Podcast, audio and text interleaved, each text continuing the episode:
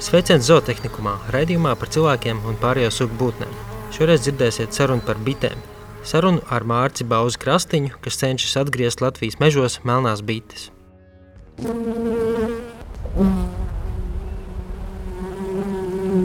Vai jūs zināt, cik daudz medu savā mūža laikā saražo viena bite? Izrādās, ka, lai radītu tikai vienu teigarotī medus, 12 bitēm jāstrādā visu mūžu. Tas arī izskaidro kādu attēlu, īpatnēju bildi, ko es redzēju internetā. Tur bija teikts, ka, ja bite saņemtu minimālo algu par savu darbu, tad uh, medus burciņi maksātu vairāk nekā 100 tūkstoši dolārus. Jo, nu, tas ir milzīgs darbs, ko paveikuši ļoti daudzas bites, bet mēs to parasti redzam tikai kā produktu, ko var samērā viegli iegādāties. 2019. gadā ANO brīdināja par straujo bišu skaita samazināšanos pasaulē, kas nopietni apdraud daudzu augu un dzīvnieku sugu pastāvēšanu. Ir aprēķināts, ka bites aputeksnē 170 tūkstošus augu sugu, kas savukārt nodrošina 200 tūkstošu dzīvnieku sugu izdzīvošanu. Līdz ar to tās nodrošina aptuveni trešdaļu no pasaulē saražotās pārtikas un nodrošina darbu miljoniem cilvēku. Ja bites izzustu, pasauli piedzīvot ekoloģisku un ekonomisku katastrofu.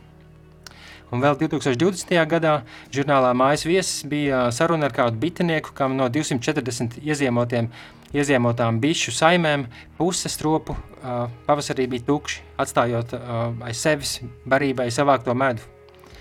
Parasti šādu ziņu fokusā ir medus bites, lai gan patiesībā šokējoši strauji izzūd aputeksnētāji un kukaiņi kopumā.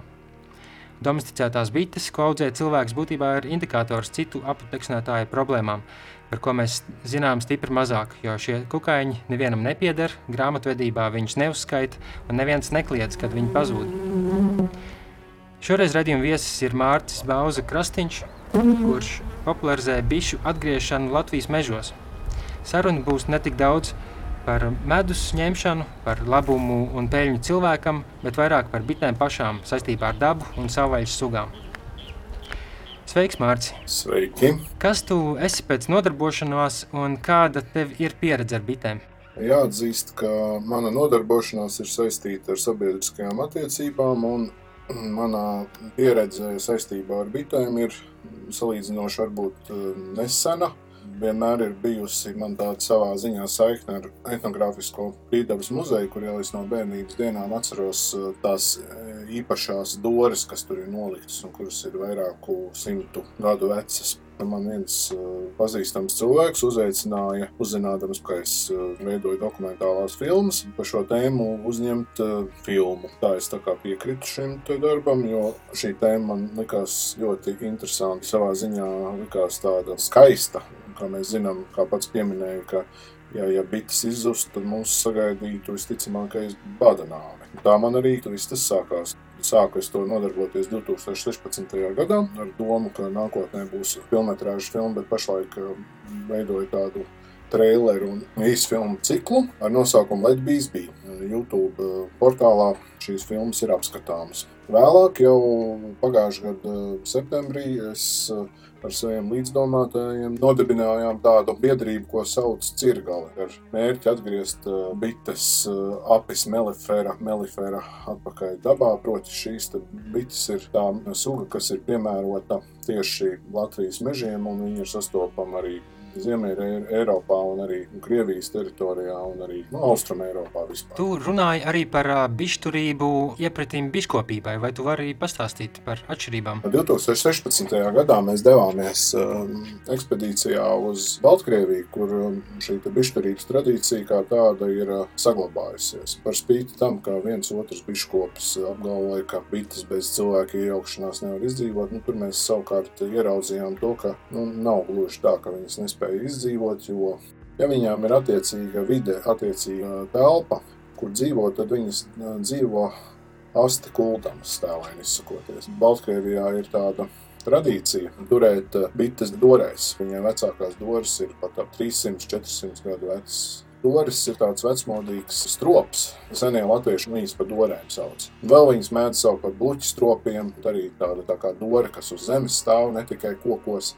Kāpēc tieši mežā? Tāpēc, ka bite ir nākusi no meža, nevis no pļavas uz mežu. cilvēks savas vienkāršās izpratnes dēļ, lai būtu vieglāk pieejams un vairāk būtu medus, izveidoja šo sistēmu, ko sauc par konvencionālo biškopību kas mūsdienās tiek saukta, varbūt pat nepelnīta par tradicionālo biškopību. Lai gan tradicionāli drīzāk būtu šī bišturība. Ja, un vai varētu teikt, ka šī pārmaiņa ir notikusi vienlaikus ar lauksaimniecības industrializēšanos, identificēšanos kopumā, kad parādījās nu, aizvien efektīvākas zootehniskās metodes?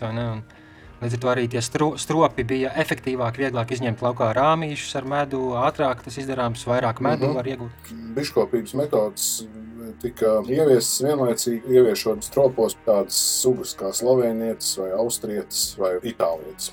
Mūsu biedrības tas mērķis zināmā mērā ir, lai dabā atkal parādītos vairāk šī apis melifera, melifera, proti tumšā medus bite. Šī bite savukārt nav īsti piemērota tieši konvencionālajā biškopībā saistībā ar to, ka viņa ir samērā agresīva, otrkārt viņu ir grūti apkopt, treškārt viņam mēdz spietot tās prādzienu veidīgi, proti viņi ļoti spietojoši. Līdz ar to viņi nav īsti piemēroti biškopībai.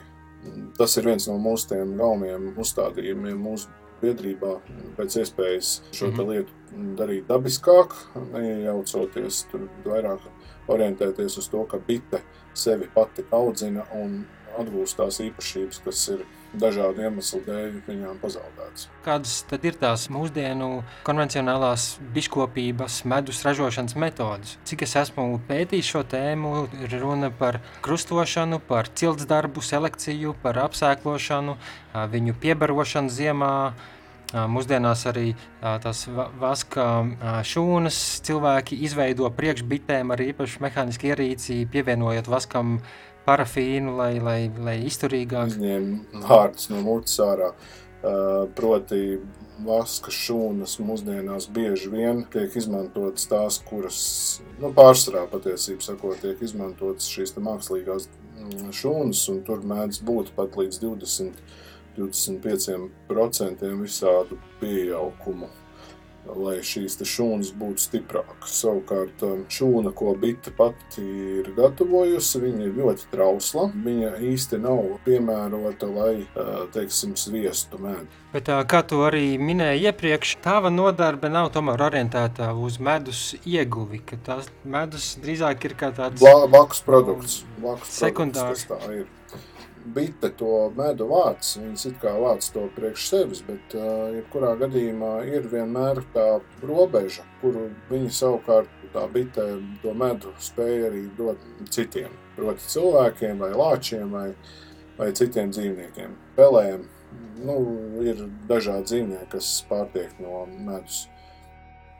Ar to medus ņemšanu ir tā, ka, ja teiksim, tām bitēm tas medus ir pa daudz, tad ir tāda bīstama parādība, ka teiksim, tās bites saprot, ka viņiem tas nav vairs vietas tajā attīstībā. Viņas vienkārši aizlido prom.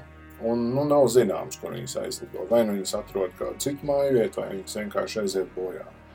Kā un kādam nolūkam bites medu vāc? Drīzāk veido, nebūtu. Nu jā, bites veido medu savai eksistencei un tam, lai viņas piepildītu ar sevi pasauli. Paralēli bitēm ir otrs ļoti nopietns uzdevums, kas ir apoteksnēšana. Vietas, kur ir bites, tur raža noteikti būs daudz labāka nekā tur, kur viņa nav. Otrs iemesls, kāpēc tas tā ir, tas tāpēc, ka pašas bites ir lielisks mēslojums arī. Viņu ķermeņi. Jā, viņu ķermeņi, jo viņas ir dzirdēts, ka viņas mirst tieši pārsvarā lidojumā. Un bites ir, protams, arī barība dažādām putnu sugām, kā arī mūsu bišturu un biskopi un nepārāk draudzīgiem radījumiem, ko sauc par sirseņiem. Mums vajadzētu aiziet muzikālajā pauzē. Un tu veido pats mūziku savai topošajai filmai. Jā, nu, tad es jums varētu atskaņot uh, vienu skaņdarbu, kas ir zināmā mērā iedvesmojoties no 60. gadu uh, mūzikas burvības. Nu, klausāmies! Klausāmies!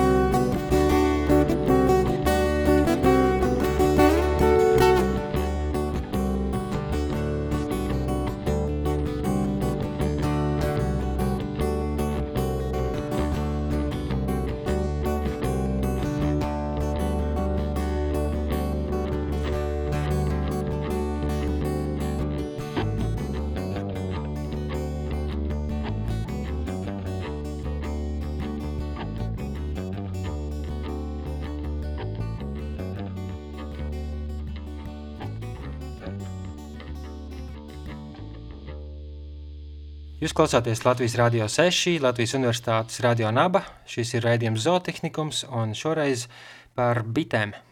Uh, ir dzirdēts tāds komisks uh, salīdzinājums, ka medus būtībā ir bišu vēmekļi. Un kad es uh, iedziļinājos, kas tas īsti notiek, nu, cik es saprotu, viņas sākotnēji uh, sēdās uh, ziedputekšņus, ko pēc tam uh, atpakaļ atgriežoties uh, pūznī, atrīja, jeb atvemj vairāk kārt cita citai mutē, lai atūdeņotu, lai būtībā tas medus varētu ilgāk saglabāties.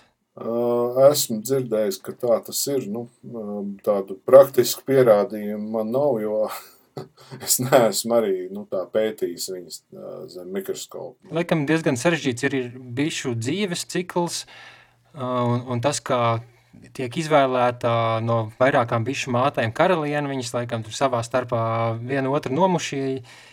Uzvarot tai, kas pirmā izšķīlusies, bet, bet jā, varbūt tas pat ir kāda cita raidījuma vesels sarunas temats. Par tām karalienēm runājot, tad eh, kā notiek spietošanas? Spietošana parasti notiek tā, ka prom tieši ejot eh, vecā mātīte un jaunajai paliek eh, daļa spieta un, un lielākā daļa spieta aiziet kopā ar veco mātīti uz jaunām mājām.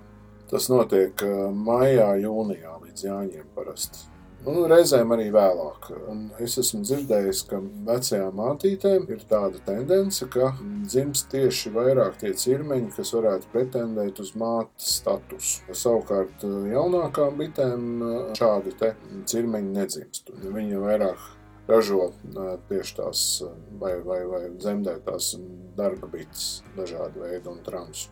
Vēl internetā interesējoties par šo tēmu, vienā rakstā bija teikums, Latvijā progresīvākie dravnieki regulāri maina bišu mātes, paši audzējot vai iegādājoties. Un tad arī par to es painteresējos vairāk, uzzināju, kas ir instrumentālā mākslīgā apsēklošana. Izrādās, ka notiek kaut kas ļoti līdzīgs kā pienā lopkopībā. Es tā saprotu, ka tas notiek, lai viņas nepārojas ar ko pagadās, bet ar cilvēku izvēlētiem traniem, lai var vieglāk nu, saglabāt šķirnes tīrību.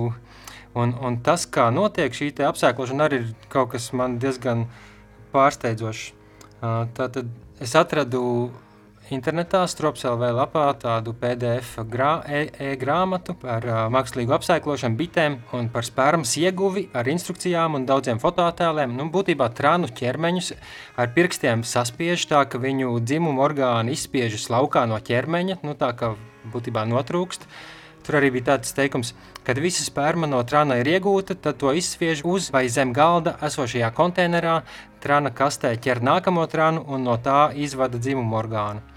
Blakus arī pamācošas fotografijas ar to, kā, kā zem mikroskopa ar diviem metāla āķiem izplēš bišu mātes nu, apakšgalu jeb vagīnu, ko tā arī sauc, un ar miniatūru šprici ievada no traniem izspiesto savākto spermu. Un pēc tam vēl ar šķērēm nogriež daļu no viena spārna, tai bišu mātei ap, apsēklotajai un uz muguras pielīmē numuru, nu, lai kontrolētu, droši vien identificētu. Nu, lasot šos tekstus, apraksts man būtībā nu, raustījās plakstiņš no, no pārsteiguma. Nu, nu, to sauc par zinātni. Um, jā. Nu, jebkurā gadījumā par uh, bišu metizācija ir dzirdēta. Metiz, metizācija ir krustošana, ja? pārošana. Un tā ir tieši kā reiz uh, vardarbīga bišu apsēklošana. Lūk, uh, tā tad uh, ir šīs sugas jau, kuras es pieminēju, proti Rietuma Eiropas Dienvidu Eiropas bites – jebkurā gadījumā jāatzīst, vienmēr ir tā, ka vispiemērotākā bita ir tieši aborigēnā bita, kur viņi ir dzīvojusi un dzīvo. Iedzimtā vietējā bite. Jā. Ar, ar citām bitēm mēdz būt tā, arī šī nekontrolētā vairošanās, jo, teiksim, nu, nevar jau izstāvēt katrām bitēm klāt un novērot, teiksim, kur ar ko tur vairojās, teiksim, spietojot. Un, un neatkarīgi vai, vai, vai šis spiets ir radies šādā te vardarbības apsēkošanas variantā, vai arī viņš ir tomēr dabīgākā variantā. Radies, bet nu, vispār tās bites mēdz krustoties. Līdz ar to tās dabiskās aborigēnās sugas ir apdraudētas. Un, un Amerikā ir tāda lieta, ka vispār esmu dzirdējis, ka aborigēnā bita kā tāda vairs nepastāv. Bites tiek importētas gan no Austrālijas, gan no citām valstīm. Un, un jāatzīst, tam pa pamatu ir arī tāda lieta, ka ka bites tiek vardarbīgi barotas ar, ar, ar tādiem monokultūru augiem. Mandeļu audzes, kur ir tikai mandels, tad pēc tam viņas tiek pārvestas uz, uz dzērvenēm, vai uz zilenēm, vai uz, uz citām monokultūrām. Un līdz ar to viņām ir savā ziņā slodze arī šajā ziņā teiksim, ar to pārvešanu un pārtiekot no viena veida auga. Mm -hmm. Vai es pareizi saprotu, ka tas notiek līdzīgi kā pārvedot, teiksim, govis vai, vai aitas no vienām gan, ganībām uz otrām piekabē? Tieši tā, lūk, bet ja runā, teiksim, par, par to metizāciju, tad Latvijā nekontrolēti tiek ieviestas un pavērotas Itāļu un Austrijas bišu sugas. Viena no visnepatīkamākajām lietām ir bišu māšu mākslīga apaugļošana un metizācija bet tas notiek ar mērķi, lai iegūtu kaut kādas labākas bišu īpašības. Bet, diemžēl pastāv draudi arī, ka eh, bites aizmirst savas līdzinājās spējas, ieradumus, piemēram, apoteksnēt krustziežu medu. Nu, kaut kādas citas īpašības, kas tām ir ģenētiski ieprogrammētas. Savukārt, eh, konvencionālā biškopība, nu, kā jau tu pats minēji, eh, mācības nomaiņa notiek nu, teiksim, reizi pa diviem līdz trim gadiem. Jā, un tas tā mātes nomaiņa būtībā arī mēdz nozīmēt to, ka veco māti vienkārši iznīcina un ieliek vietā jaunu, kurā ir, teiksim, dējīgāka spēja radīt spēcīgākus pēcnācējus, lai gan tā vecā vēl varētu dzīvot, vienkārši viņai nezinu, dzīves spēki krītās. Nu, jā, tas tā, tas tā nu, negluži viņi tiek izņemti. Reizēm vienkārši tiek ievietota jaunā māte. Kaut gan nē, reizēm tiek arī izņemti. Ir divas metodas. Ir viena metode, ka ielaiž jaunu māti un tad izdzīvo stiprākā. Ir bijuši pat gadījumi, ka sadzīvo divas mātes vienā stropā, bet nu, tie ir tādi reti gadījumi, ka ir paralēli divas saimas vienā stropā. Bet, eh, bet eh, jebkurā gadījumā tāda eh, nu, metizācijas veidā tika radīts arī tāds bišu hibrīds Argentīnā, ko vēlāk nosauc par The Killer Bees vai par bitēm slepkavām. Tur, tik, tur esot sakrustotas Āfrikas bites ar vietējām bitēm, pastāv versija, ka 26 Āfrikas bites, mā, bišu mātes, kuras dabā ir diezgan agresīvas, kuras sauc apis meliferas kultelata, vai nu tika izlaists, vai arī tās izbēga un sakrustojās ar vietējām bitēm. Jā. Un tā esot gāja, gājuši bojā nu, desmit vai varbūt vairāk cilvēku Es, es tā precīzi nevaru pateikt, tas pēc atmiņas tā. Un es esmu redzējis dokumentālajās filmās, ka ir speciāli dienesti ASV, kas šīs debitas neutralizē, jo šīm bitēm ir tāda īpatnība, ka viņas izseko uh, upuri, ja, nu, pieņemsim, upurs ielēc ūdenī, bet viņas uh, tā kā lido virs tā upura un gaida, ka viņš iznirs un tad viņam uzbrūk. Ja, teiksim, citas sugas vienkārši aizlido prom.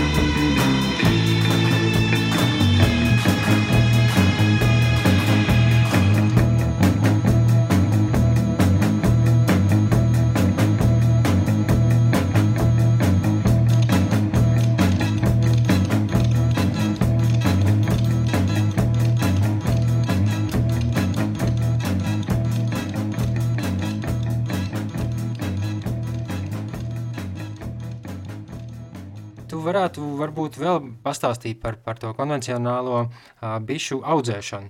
Piemēram, es esmu lasījis diezgan daudz ko no, no, ne no Latvijas, līdz ar to varbūt tas Latvijā nenotiek, bet, bet uh, tāds fakts, ka mēdz iznīcināt reizēm uh, it kā liekos spietus ar dažādām īpatnējām metodēm, vai nu sadedzinot viņas pat, vai, vai noslīcinot ar ziepjūdeni, nu, it kā tas apsvērums ir, lai ietaupītu uh, uzturēšanas līdzekļus, jo nu, ziem, ziemā izdzīvot viņām nevienmēr ir viegli, un varbūt izdevīgāk ražotājiem ir paņemt to medu visu, un pēc tam jau pavasarī būs jaun, jauns spiecs vietā. Vai arī kaut kas tam līdzīgs mēdz notikt? Par Latviju es nemāku teikt, bet uh, es esmu dzirdējis, ka tāda praksa tiek pielietota ASV. Un par to cukuru sīrupu lietošanu, lai aizvietotu izņemto medu, kaut kur arī bija teikts, ka tas esot pārāk dārgi, ka mūsdienās tā neviens vairs nedara, bet nu, es domāju, cukurs mūsdienās lētāks nekā medus. Protams, un jāatzīst, ka, nu, teiksim, barojot bites pārliek daudz ar to sīrupu, tad uh, viņām jau kopumā ņemot kaut kāds procents droši vien no tā sīrupa arī tajā medū uh, paliek. Man viens uh, biškops teica, ka viņš iet ieziemot bites. Nu, tas nozīmē to, ka viņš paņem to medu un baro bites. Vēl ir viena tāda samērā negodīga metode, ko biškopi piekop. Septembrī tiek norauts, tā teikt, viņām medus, Un tās bites, kam tiek tas medus norauts, viņas dodās laupīt uz, uz citiem. Aha, nu būtībā viņas steidzamā kārtā mēģina kompensēt to, kas ir viņām pazudis no ziemas krājumiem. Tieši tā. Un šajā gadījumā parasti cie, cieši tieši tās saimes, kas ir vājas, kam, teiksim, iespējams ir pirmā sezona, kam nav pietiekami daudz bites, un notiek arī tāda lieta, ka tiek nogalināta nu, konkurējošā bišu māte un daļa arī bites, un parasti, teiksim, tās bites, kas ir uzvarētas, tās pievienojās tam spietam. Tā kā pirāta kuģis, vai ne, pārņem Nu, gandrīz kā pirāta iekaroto. jā. Tā kaut kā. Un vēl par, par to, ka viņas tiešām strādā tik čakli un nemitīgi, ne jau par velti arī latviešu folklorā bite, nu, būtībā ir čaklums simbols, un ka katru dienu bez brīvdienām viņi strādā un mēdz tik neatlaidīgi viņas darboties, ka mēdz vienkārši pārgurušas kaut kur uh, novelties, un, un tad internetā es lasīju, ka mēdz ieteikt uh, viņas uh, pabarot, es neatceros, kas tur bija, nu, varbūt pat cukurs sīrups, bet, nu, būtībā, jā, viņas ir nogurušas, un viņ, viņas bezmaz ir iespējams pasaudzēt un palīdzēt. Pret to barošanu, nu, tur ir tas tāds filozofisks apsvērums, teiksim tā, ja. Jo, protams, ir iespējams, iespējams reizēm izglābt kādu bišu saimi un viņu pabarot, ja, teiksim, viņām tas medus krājums nav pietiekošs. Jā, kas var būt objektīvi ir apstākļu dēļ, vai ne? Tur kaut kas noticis. Reizēm, teiksim, tā viens otrs cilvēks arī e, dara. Jāatzīst, es tā vēl neesmu darījis. Savā ziņā es pieturos pie tā, ka, nu, ja tām bitēm būs lemts izdzīvot, tad viņas izdzīvos. It īpaši tā bija problēma pagājušajā gadā, kad bija, nu, ka praktiski bija rudens un pavasars un ziemas nebija. Un, ā, Kur bija arī laime, nelaimē, bet, nu, jebkurā gadījumā priecīgs es par to īpaši nebiju um, ka man ļoti daudz saimnes uh, nobeidzās tieši pagājušajā gadā, bet tas bija tieši saistīts ar silto ziemu.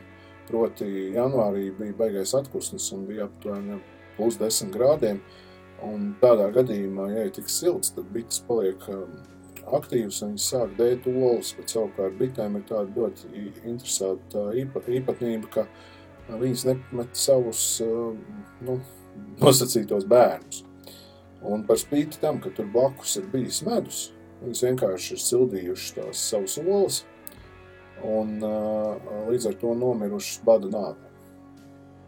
Un Līdz ar to šāds te silts laiks ziemā viņām ir ļoti kaitīgs. Kas bija ļoti interesanti, tad uh, tieši tās bites, kas bija nevis uz zemes, bet tieši bija dorējas kokos, tās bija pārzīmojušas krietni vien labāk. Un, uh, nu, tāds bija novērojams. Nu, tā pozitīvā ziņa bija tāda, ka nu, tomēr viņas man tukšā nebija atstājušas. Viņas bija atstājušas to medu, kas viņām bija palicis pāri. Uh, nu, tā varētu teikt, laime nelaimē. tas man atgādina arī nu, filmu par, par Melno stārķi, dokumentālā filma nesen bija, un, un tur arī stāsta par to, kā tie pētnieki un, un tie, kas mēģina veidot dabisko vidi tomēr piemērotāk melniem stārķim, kas ir dabiskā suga, nu, viņi iz, izvieto līgstas, bet nav tā, ka viņi uh, par katru cenu centīsies glābt un palīdzēt. Ja, ja, ja iet bojā mazuļi bada dēļ, tad, nu, tad tā notiek. Ir kaut kāda robeža, kurā viņi vairs neiejaucās un mēģina pēc iespējas nodrošināt apstākļus labvēlīgas izdzīvošanai, bet tomēr ļauj arī tām dabiskajām norisēm tomēr nu, noteikt gala rezultātu. Nu, tā robeža, robeža, protams, ir neskaidra. Jā, nu tā robeža vienmēr ir kaut kur savā ziņā neskaidra, bet kas attiecās uz, uh, uz konvencionālo biškopību, es vēl varu tūlīt pieminēt vienu apstākļu. Man vēl viens jautājums pat šai sakarā. Biškopība savā ziņā ir kā daļa no Uh, lauksaimniecības ir skaidrs, bet arī kā daļa no lopkopības. Ne? Tie neskaitās oficiāli sīklopi, tie mazie putni, bet nu, būtībā tie, tie ir dzīvnieki, kas tiek audzēti uh, konkrētā veidā, lai iegūtu gala produktu cilvēku pielietojumam un var iet bojā un tā tālāk. Un tad uh, es atradu, ka šai sakrā ir bijusi Eiropas komisijai sūtīta vēstule, tā tāda petīcija no kāda poļu zemnieka 19. gadā, un uz to Eiropas komisija atbild. Lai gan līgumā par Eiropas Savienības darbību ir atzīts, ka dzīvi dzīvnieki ir justspējīgas būtnes, Nav konkrētu Eiropas Savienības noteikumu par bišu turēšanu saistībā ar to labturību. Un tas nozīmē, ka, ka nav īsti nekādi noteikumi, kas nosaka barības nodrošināšanu, slimību un parazītu profilaksiju, pārvadāšanas noteikumus. Nu, ar domu, ka nu, viņas atšķirībā no citiem dzīvniekiem necieš un, un nejūt. Un tālāk tekstā teikts, ar, ar biškopību saistīti Eiropas Savienības pasākumi drīzāk ir vērsti uz biškopības nozares un biškopju atbalsta pasākumiem, kā arī bišu un citu apateksnētāju saglabāšanas un pārvaldības veicināšanu. Nu, man šī tēma liekas interesanti, jo uh, Tātad mēs atzīstam, ka arī bites ir dzīvnieki, justspējīgas būtnes, bet vienlaikus tie ir vienīgie, ne, patiesībā nav vienīgie, laikam arī uz zivīm īsti nekādi labturības noteikumi neatiecās. Ko tu par to domā? Bija vēl tāda ziņa, ko, ko es varēju šai tēmā, jautājumā iekļaut. Samērā nesens pētījums, varbūt pagājušajā gadā par to, ka bitēm mēdz būt raksturīgs pesimisms par, par nu, barības ieguves iespējām, un ka, ka tas pesimisms kaut kā ir saistāms ar to, ka viņām ir kaut, kāds, kaut kādas psiholoģijas uh, pamati.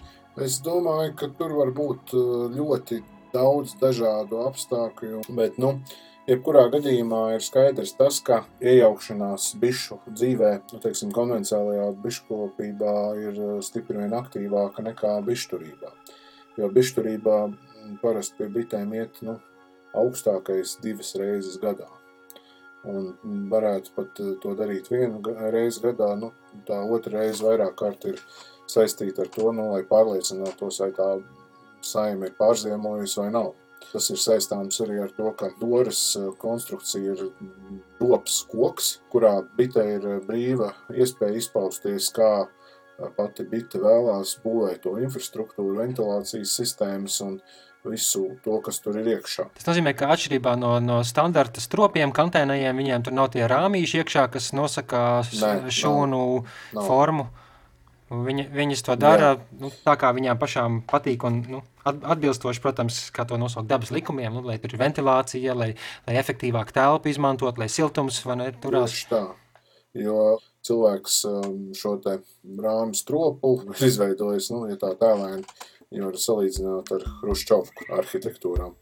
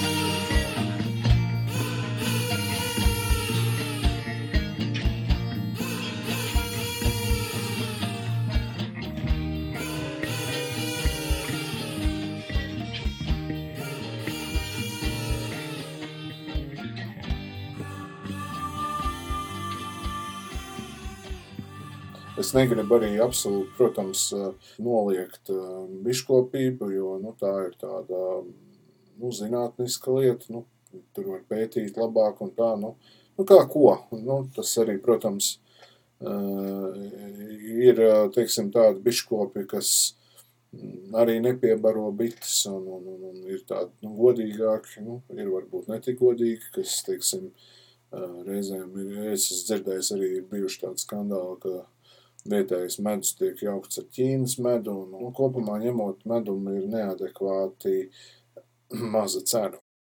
Savukārt Eiropas Savienībā uz 2013. gadu apoteksnēšanai trūkst aptuveni 2 miljoni 300 tūkstoši bišu saimi.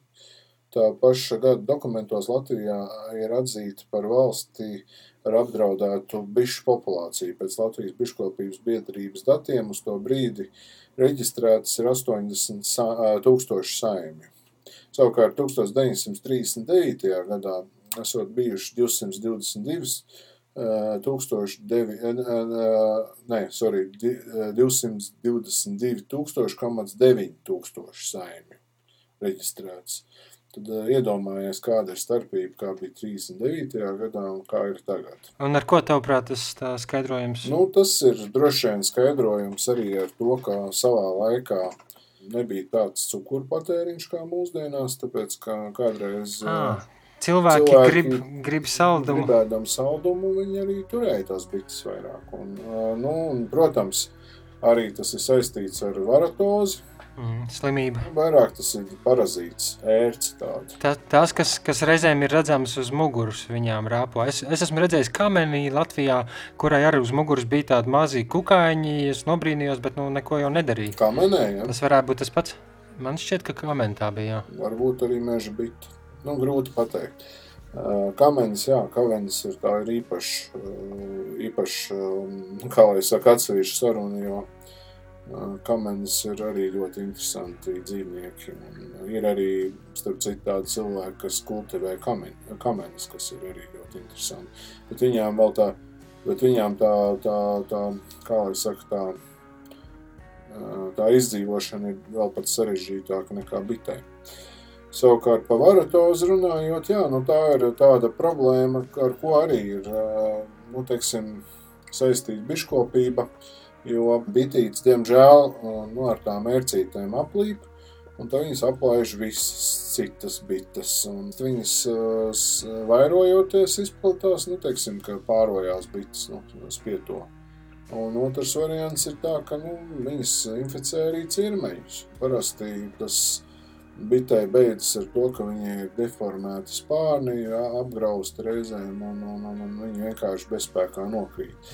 Eh, savukārt eh, tāda tradicionāla biškopības metode, kā cīnīties ar šo problēmu, ir izmantot eh, tādu vielu kā skudurskābi, kas ir pat indīga cilvēkiem.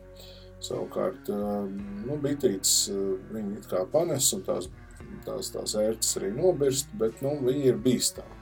Viņi ir bīstami arī pašam cilvēkam, kas ar to nodarbojās. Ir bijuši gadījumi, kad cilvēki arī apselina kārtīgi ar šo skudurskābu rokas, un, un nav absolūti vēlams šo te, šos te izgarojumus arī ieelpot.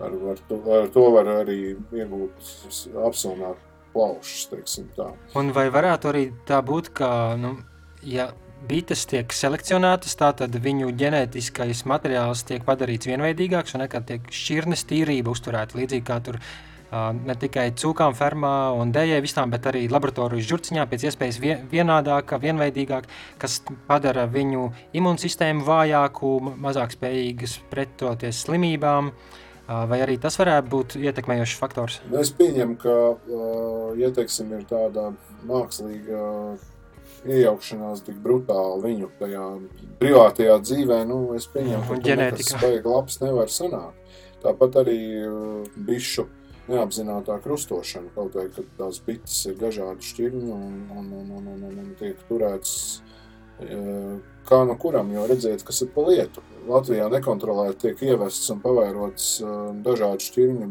bišu sugas, un viena no visnepatīkamākajām lietām ir tieši bišu mākslīgā apaugošana. Tas vienkārši veicina viņiem to nu, ka, ka var gadīties, ka viņas aizmirst tos ieradumus. Un tad noteikti ir jāparunā par, par bišu populāciju samazināšanos, kas ir pēdējo gadu viena no skaļākajām ar bitēm saistītajām tēmām.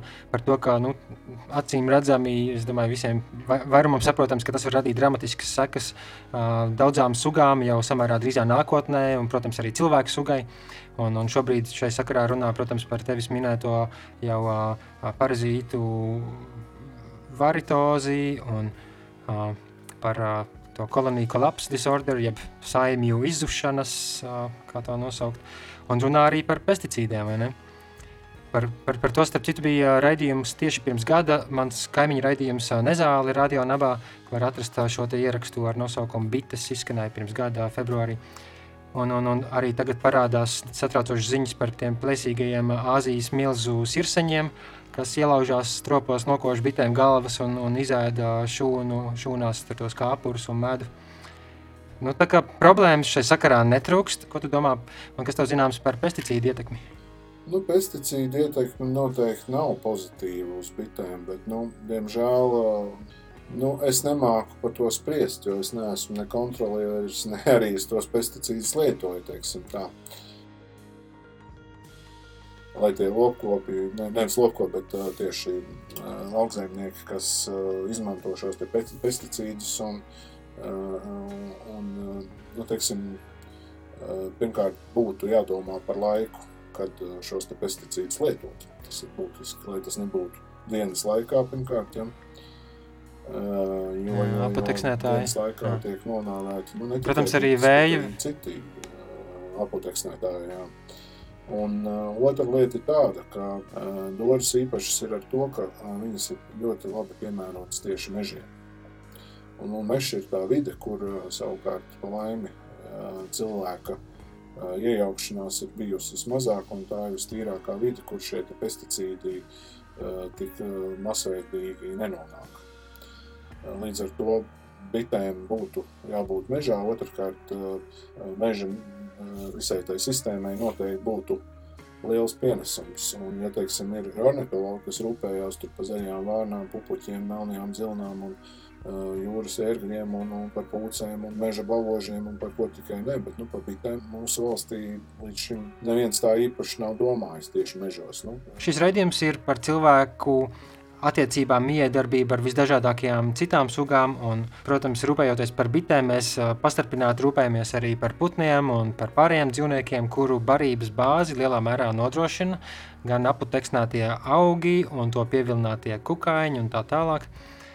Bet, nu, ja mēs tā praktiski par to runājam, domājam, kas ir tas, ko cilvēki var darīt, lai palīdzētu? Pašlaik mēs nodarbojamies manā dzimtajā Garkalnas novadā tādu lietu, ka mēs šo bišķurības uh, tēmu popularizējam, uh, mēģinam ieviest šīs te, uh, Latvi, te Latvijai raksturīgās tumšās medus bites mežā. Mēs veidojam tādu tā kā turisma taku lankstiņos. Pagaidām gan jāatzīst, tur ir divas doras uzstādītas, bet tomēr nu, mēs tos, to darbu esam lēnā garā iesākuši. Un, nu, mums gan jāatzīst, nu, cik mums tā rocība un, un, un cik mums pašiem ir tas spēks, gan finansiāls, gan arī savādāk. Jo, nu, teiksim, lai paceltu to dori, pielikt viņu klāt, izgatavot un uztaisīt vēl to dori ar tādu stāstu, tur ir jāpieliek, tur ir, tur ir jāpieliek diezgan daudz darba. Man tieši tā doma ir tāda, ka tā taka varētu būt saistīta ar, ar, ar bišu mitoloģiju, un tāpēc Tur ir jau viens apleznots puķistrops vai dore, kokā, uz kura ir attēlot divi paraslāvu sētie, Zosim un Savatīs, kas esot aiz polārā, jā, aiz polārā loka, brīvā kopija no, no senajiem laikiem ko es pats gleznoju. Pareizticīgo. Savā ziņā simboliski viņi turējušies polārā, polārā loka, ja nemaldos, 2000 saimas. Nu, jebkurā gadījumā viņi ir tajā pareizticīgajā baznīcā atzīti kā svēti. Līdz ar to, nu, ar to mēs tā kā vienu gadu sākām. Bet nu, mums tā doma ir vispār parādīt arī to bitu dažādu tautu mitoloģijā. Tad es esmu vēl uzgleznojis savu tādu indiešu dievieti, sauc, viņa saucās Hrāmī Devī. Sabiedrība ir aicināta arī piedalīties šajā projektā. Ja ir cilvēkiem vēlmē noziedot, teiksim, ar kaut kādiem nosacījumiem, vai teiksim, pacelt savu dori, kur var pierakstīt klāt, ka šo dori teiksim, ir pacēlis tas un tas, un viņi tur stāv un cilvēkus iepriecina ar kaut kādu stāstu, tad uh, es domāju, ka tas pamazām ir tādā veidā jāpopularizē. Nu, visādos veidos. Gan arī stāstot cilvēkiem, cik tas ir nozīmīgi, jo bez bitēm mēs nekas arī nebūsim. Jā, galu galā tas ir sabiedrisks un tāds vidēji labums. Tik daudzos aspektos. Jā. Lieta, ieteikums, ko es esmu dzirdējis saistībā ar, ar dzīvnieku aizstāvības kontekstu, ir, ka nu, mums vajadzētu pēc iespējas atjaunot dabiskās zemes platības, dabiskās pļavas, nu, vietas, kur tie dabiskie augi, ziedi var, var dzīvot. Nu, jo pašlaik ir tik daudz teritorijas plašas atņemtas dabai, ka nu, atdot atpakaļ ir jēdzīgākais, ko mēs varam darīt, lai piebremzētu sugu izzušanu un, un vispār ekoloģiskā disbalansa turpināšanos. Nu, šajā sakarā arī, piemēram, nesen vienā kas iespējams bija lielākais pētījums līdz šim par lauksaimniecības ietekmi uz vidi. Tur tika secināts, ka pārējot uz augu valsts uzturu, mēs varētu dabai atdot atpakaļ apmēram 3 ceturdaļas no pašlaik izmantotajām zemes teritorijām. Jo nu, lopkopībai tiek izmantotas milzīgas platības lobarības audzēšanai, kas ir monokultūras absolūti. Un, ja, mēs, ja cilvēki pārietu uz lielākā mērā augu pārtiku, tad mēs varētu daudz vairāk redzēt dabiskās platības, kur būtu daudz vairāk vietas dabiskajām sugām, daudzveidībai un tā skaitā bitēm? Nu, manuprāt, dabiskajām pļavām ir liela nozīme, bet, nu, jebkurā gadījumā lielākoties Latvijas dabiskās pļavas, tā viņa veidošanās jau arī nav bijusi tik dabiska, tāpēc, ka mūsu senči ir veidojuši to līdumu un, un, un, un, un cirtuši kokus un šo te ainavu kā tādu iekopuši.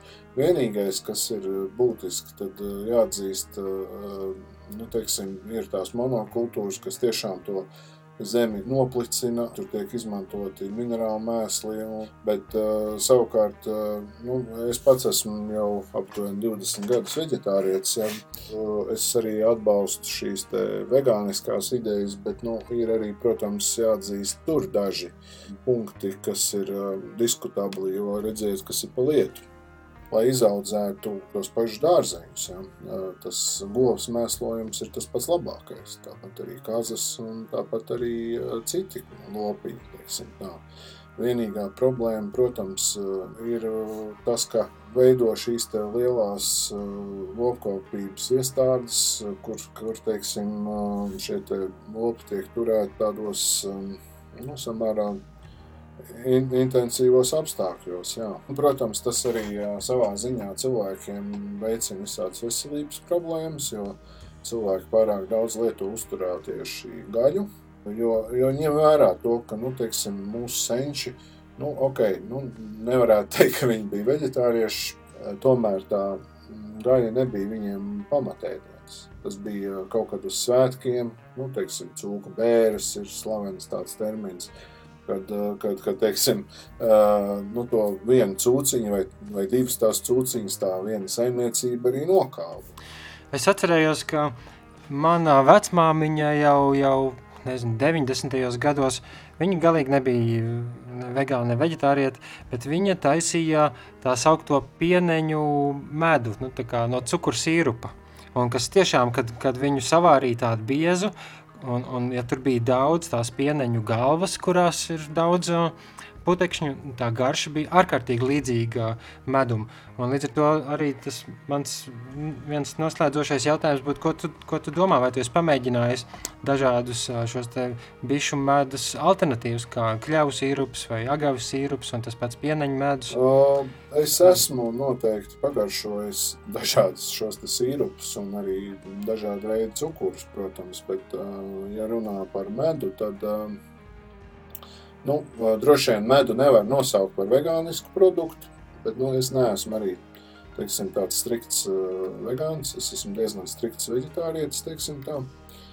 Uh, tajā pašā laikā man arī garšo vegānisku ēdienu. Es labprāt arī ēdu tos, un patiesībā sakot, es varbūt pat labprāt tos uh, lietot vairāk uh, savā uzturā, bet nu, saistībā ar to, ka ir reizēm grūti, tad nenoliekšu, ja, tad es pieturos pie savu veģetāriešu tradīcijām vairāk.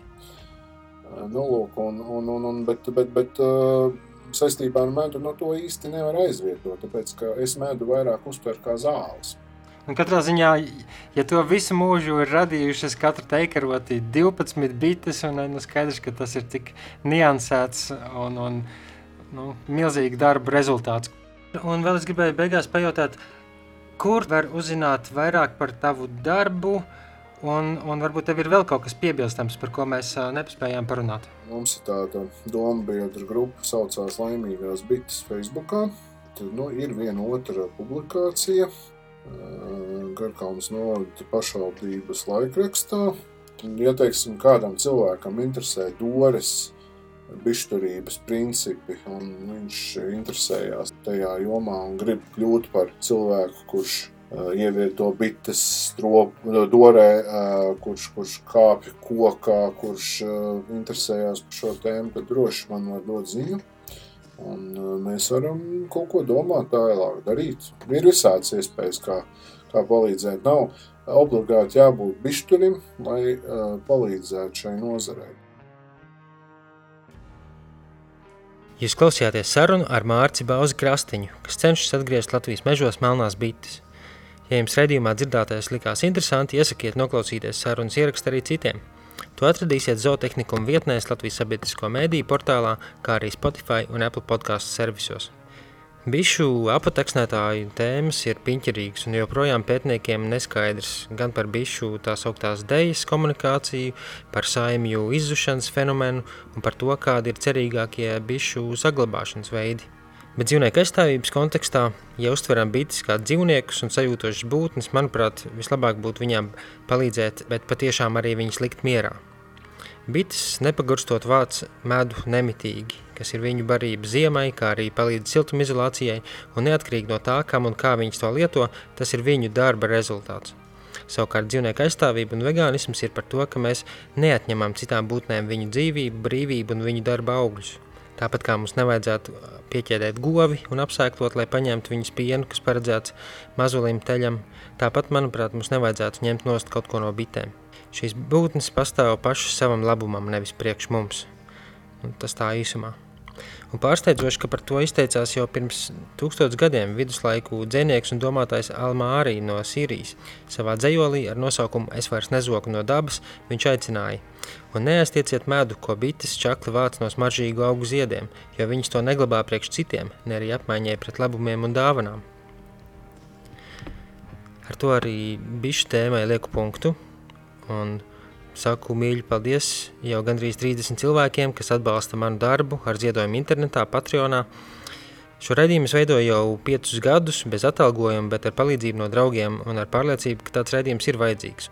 Tieši pateicoties atbalstītājiem un klausītājiem, es varu tam atvēlēt laiku un enerģiju, lai veidot saturu tieši Latvijas sabiedrībai.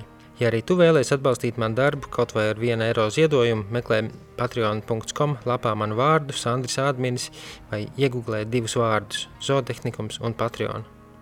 Raidījuma ieraksti ir brīvi pieejami Latvijas sabiedrisko mēdīju portālā LSM LV, bet jaunākie raidījumi skan arī Spotify un Apple podcasts arhīvos. Savukārt jaunumiem var sekot zootehnikuma lapās sociālajos tīklos.